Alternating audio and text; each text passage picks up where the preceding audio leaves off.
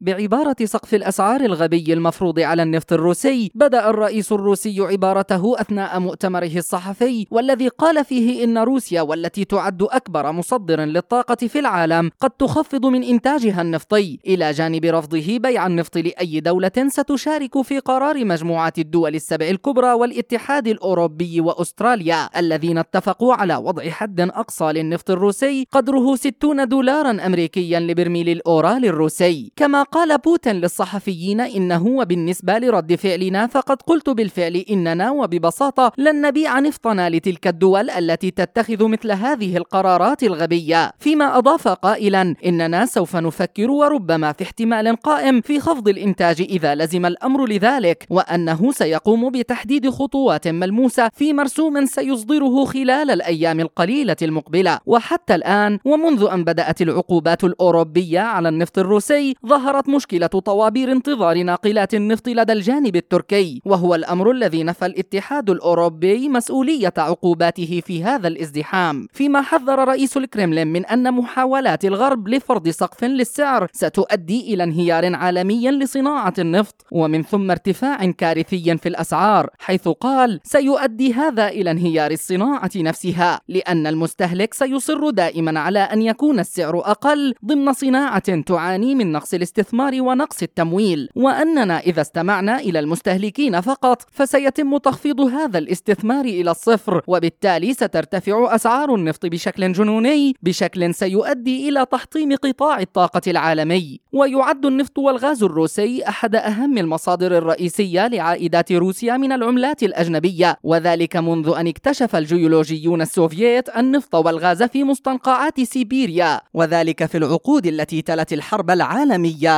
الثانية مجد النوري لشبكة أجيال الإذاعية.